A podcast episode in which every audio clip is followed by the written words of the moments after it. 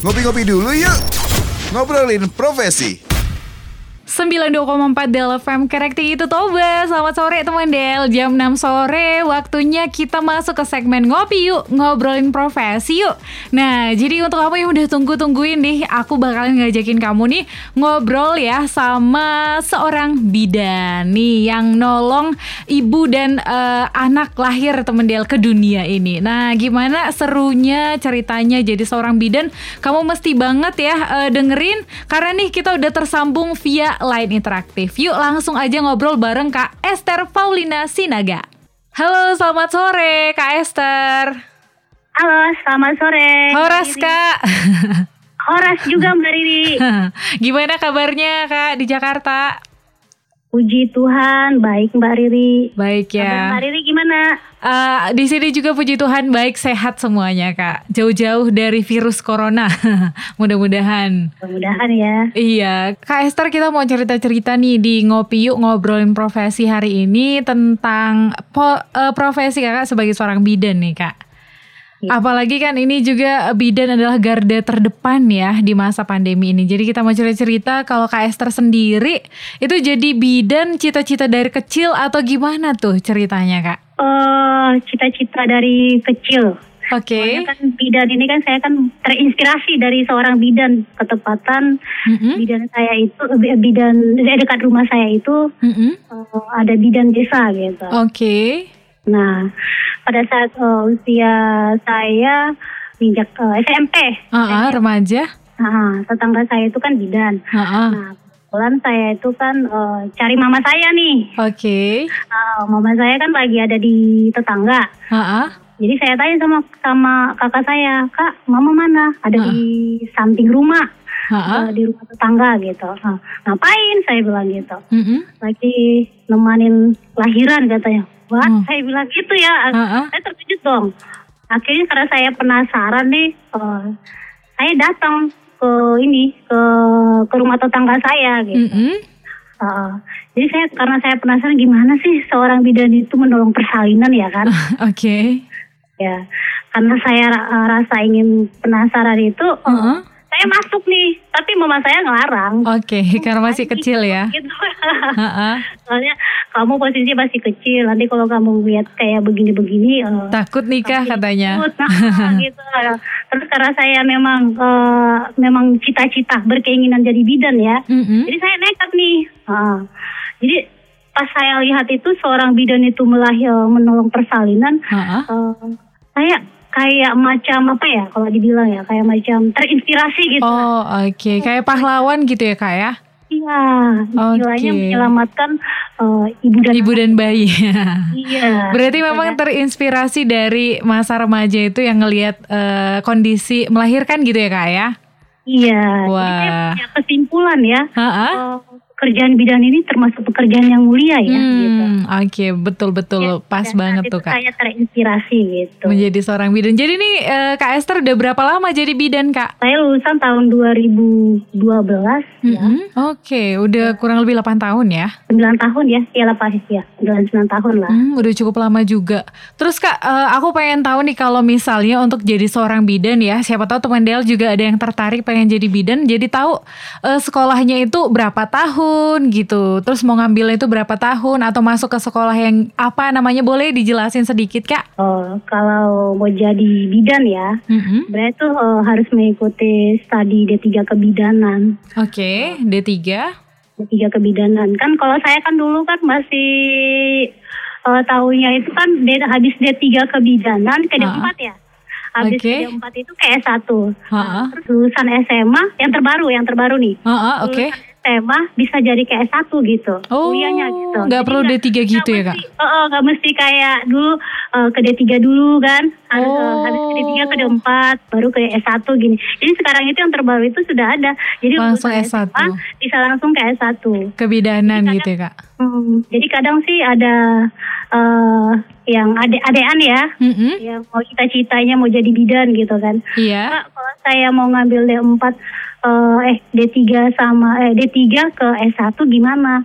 Oh bisa, kan sekarang uh-huh. sudah bisa saya bilang. Jadi D3 okay. itu ke S1 itu sudah bisa saya bilang. Perbedaannya hmm. apa? Mm-hmm. D4 sama D4 ke D3 uh, uh, ke S1 gitu. Kalau D3 sama D4 itu sama-sama sih kalau menurut saya ya. Ha-ha. Itu uh, lebih ke praktek gitu, kerja di lapangan gitu. Tapi kalau Oke. S1 itu kan lebih ke arah teori gitu lah. Oh gitu. Tapi intinya tetap sama ya kak lulusannya nanti jadi bidan gitu ya? Atau misalnya ap- apakah ada perbedaan enggak ya? Oh enggak sih. Enggak sama berarti ya kak Cuman ya? gelarnya aja. gak- Oh gelarnya jadi beda. Jadi gimana kak kalau boleh tahu nih?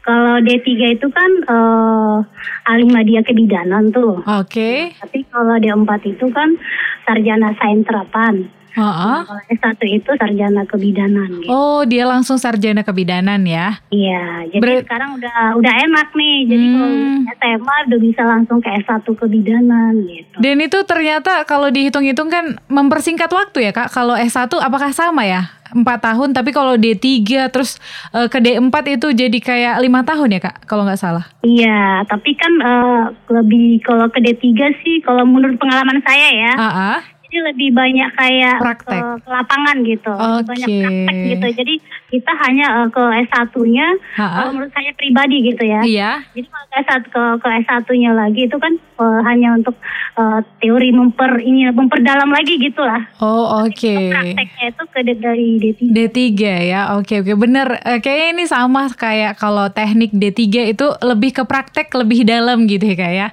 Iya. Daripada misalnya langsung S1 Oke deh kak. Thank you buat informasinya. Dan ini eh, aku juga pengen tanya kak Kan ada tuh bidan yang buka praktek.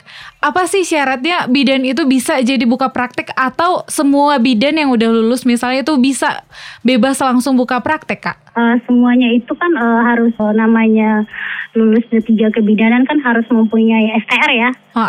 Eh, di mana itu eh, STR itu surat tanda registrasi bahwa kita itu sudah eh, lulus gitu loh Oke dari eh, universitas tersebut gitu. Mhm. Nah, itu ada beberapa poin yang harus kita ikutin, harus eh, ikut kayak macam eh, perkumpulan IBI lah, Ikatan Bidan Oh, Indonesia gitu. Oke oke Kita dari situ kita akan tahu lagi apa-apa aja prosedur-prosedur yang bisa yang harus kita lengkapin gitu. Mhm. Ya intinya ya tempat harus kita siapkan gitu. Oh, berarti kalau udah punya STR nanti udah bisa buka praktek gitu kira-kira kak? Eh enggak sih, tapi itu salah satu syarat gitu. Oh gitu. Atau mungkin tunggu punya pengalaman beberapa tahun misalnya bekerja di ini di rumah sakit atau di puskes gitu kali ya kak? Iya, harus ada ngikutin juga kayak pengalaman eh, ke di bidang BPM bisa juga ya. Hmm. Di rumah sakit Mm-mm. gitu. Jadi harus penga- ada pengalaman juga sih. Baru Oke. bisa buka B- eh, bidan BPM. Enggak enggak lulus dari kuliah langsung buka BPM nggak bisa. Oh nggak bisa ya, kak. Terus ini aku penasaran kak, kalau misalnya kayak kita di sini kan, eh, kalau yang kita tahu kan bidan itu untuk membantu ibu yang melahirkan atau ibu hamil kayak gitu ya, lebih fokus pasiennya. Tapi kan kalau kita di sini tuh kalau dikit eh, sakit gitu ya ke bidan, terus juga kalau pokoknya ada sakit-sakit apa biasanya sebelum ke dokter atau ke rumah sakit kalau misalnya te- belum terlalu parah kan biasa ke bidan. Jadi aku pengen tahu nih sebenarnya eh, berarti ada ya dipelajari untuk ilmu kedokteran waktu eh, belajar bidan kak? Eh, itu sih di ada juga sih diajarin kita. Makanya Hmm. itu kita se- selesai kita lulus dari kuliah, Ha-ha. kita makanya dianjurkan untuk eh, kayak kerja di rumah sakit gitu Ah, kan. Jadi otomatis kan kita kan tahu ya Oh. ilmu-ilmunya dari situ gitu. Dan dasar-dasarnya kali dapat waktu kuliah gitu ya kak dikasih Iya. dasar ya? Oke oke kalau Juga gitu. dasarnya gitu. Tapi sebenarnya sih bidan itu lebih eh, lebih eh, ke ini sih ke ibu hamil gitu. Ah, Oke oke kalau gitu. Terus kak ini selama kurang lebih 8 atau 9 tahun nih kak Esther jadi seorang bidan. Apa nih pengalaman yang paling mengharukan waktu menolong eh, ibu melahirkan kak? Ini yang paling mengharukan ya? Eh, pengalaman saya ya sampai sekarang belum bisa saya lupain sih ya. Ah. Saya bekerja kan di salah satu rumah sakit. Iya. Nah, pada saat saya itu mau pergi ke rumah sakit, ada sebuah angkot ya. Kalau di sana bilang angkot gitu. Iya angkot, angkutan Ah, kota.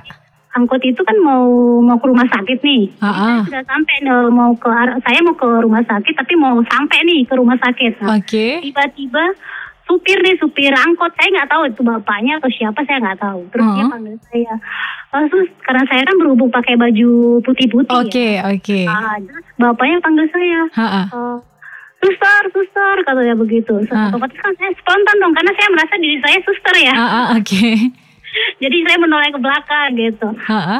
Terus saya lihat uh, sekalinya ya ada ibu yang mau bersalin. Oh, oke. Okay. Mungkin nggak tertahan lagi, jadi mungkin sudah uh, saya sudah lihat uh, kepala bayi itu sudah di depan pintu. Hmm. Uh, jadi saya lihat uh, saya saya tolong gitu. Uh-huh. Jadi saya minta minta tolong sama bapaknya, Pak, Pak boleh bantu saya untuk telepon teman saya uh, supaya teman saya dan dan teman saya ditelepon terus saya yang ngomong sama teman saya supaya uh, minta tolong dipanggilkan dokter uh-huh. supaya karena ada yang pasien bersalin. Justru itu yang saya memang pengalaman yang nggak bisa terlupakan ya. Gitu ya. Puji Tuhan bayi dan anaknya selamat. Ya. Dan itu lahirnya di angkot atau akhirnya jadi dibawa ke rumah sakit saat itu kak? Di angkot. Oh di angkot itu, wih ya. ngeri ya.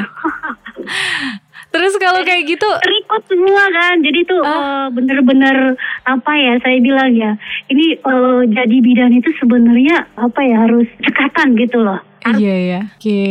Itu kayaknya wih, seru terus deg-degan, pasti takut juga ya Kak. Aduh, nanti kenapa-kenapa gitu kali ya Kak ya.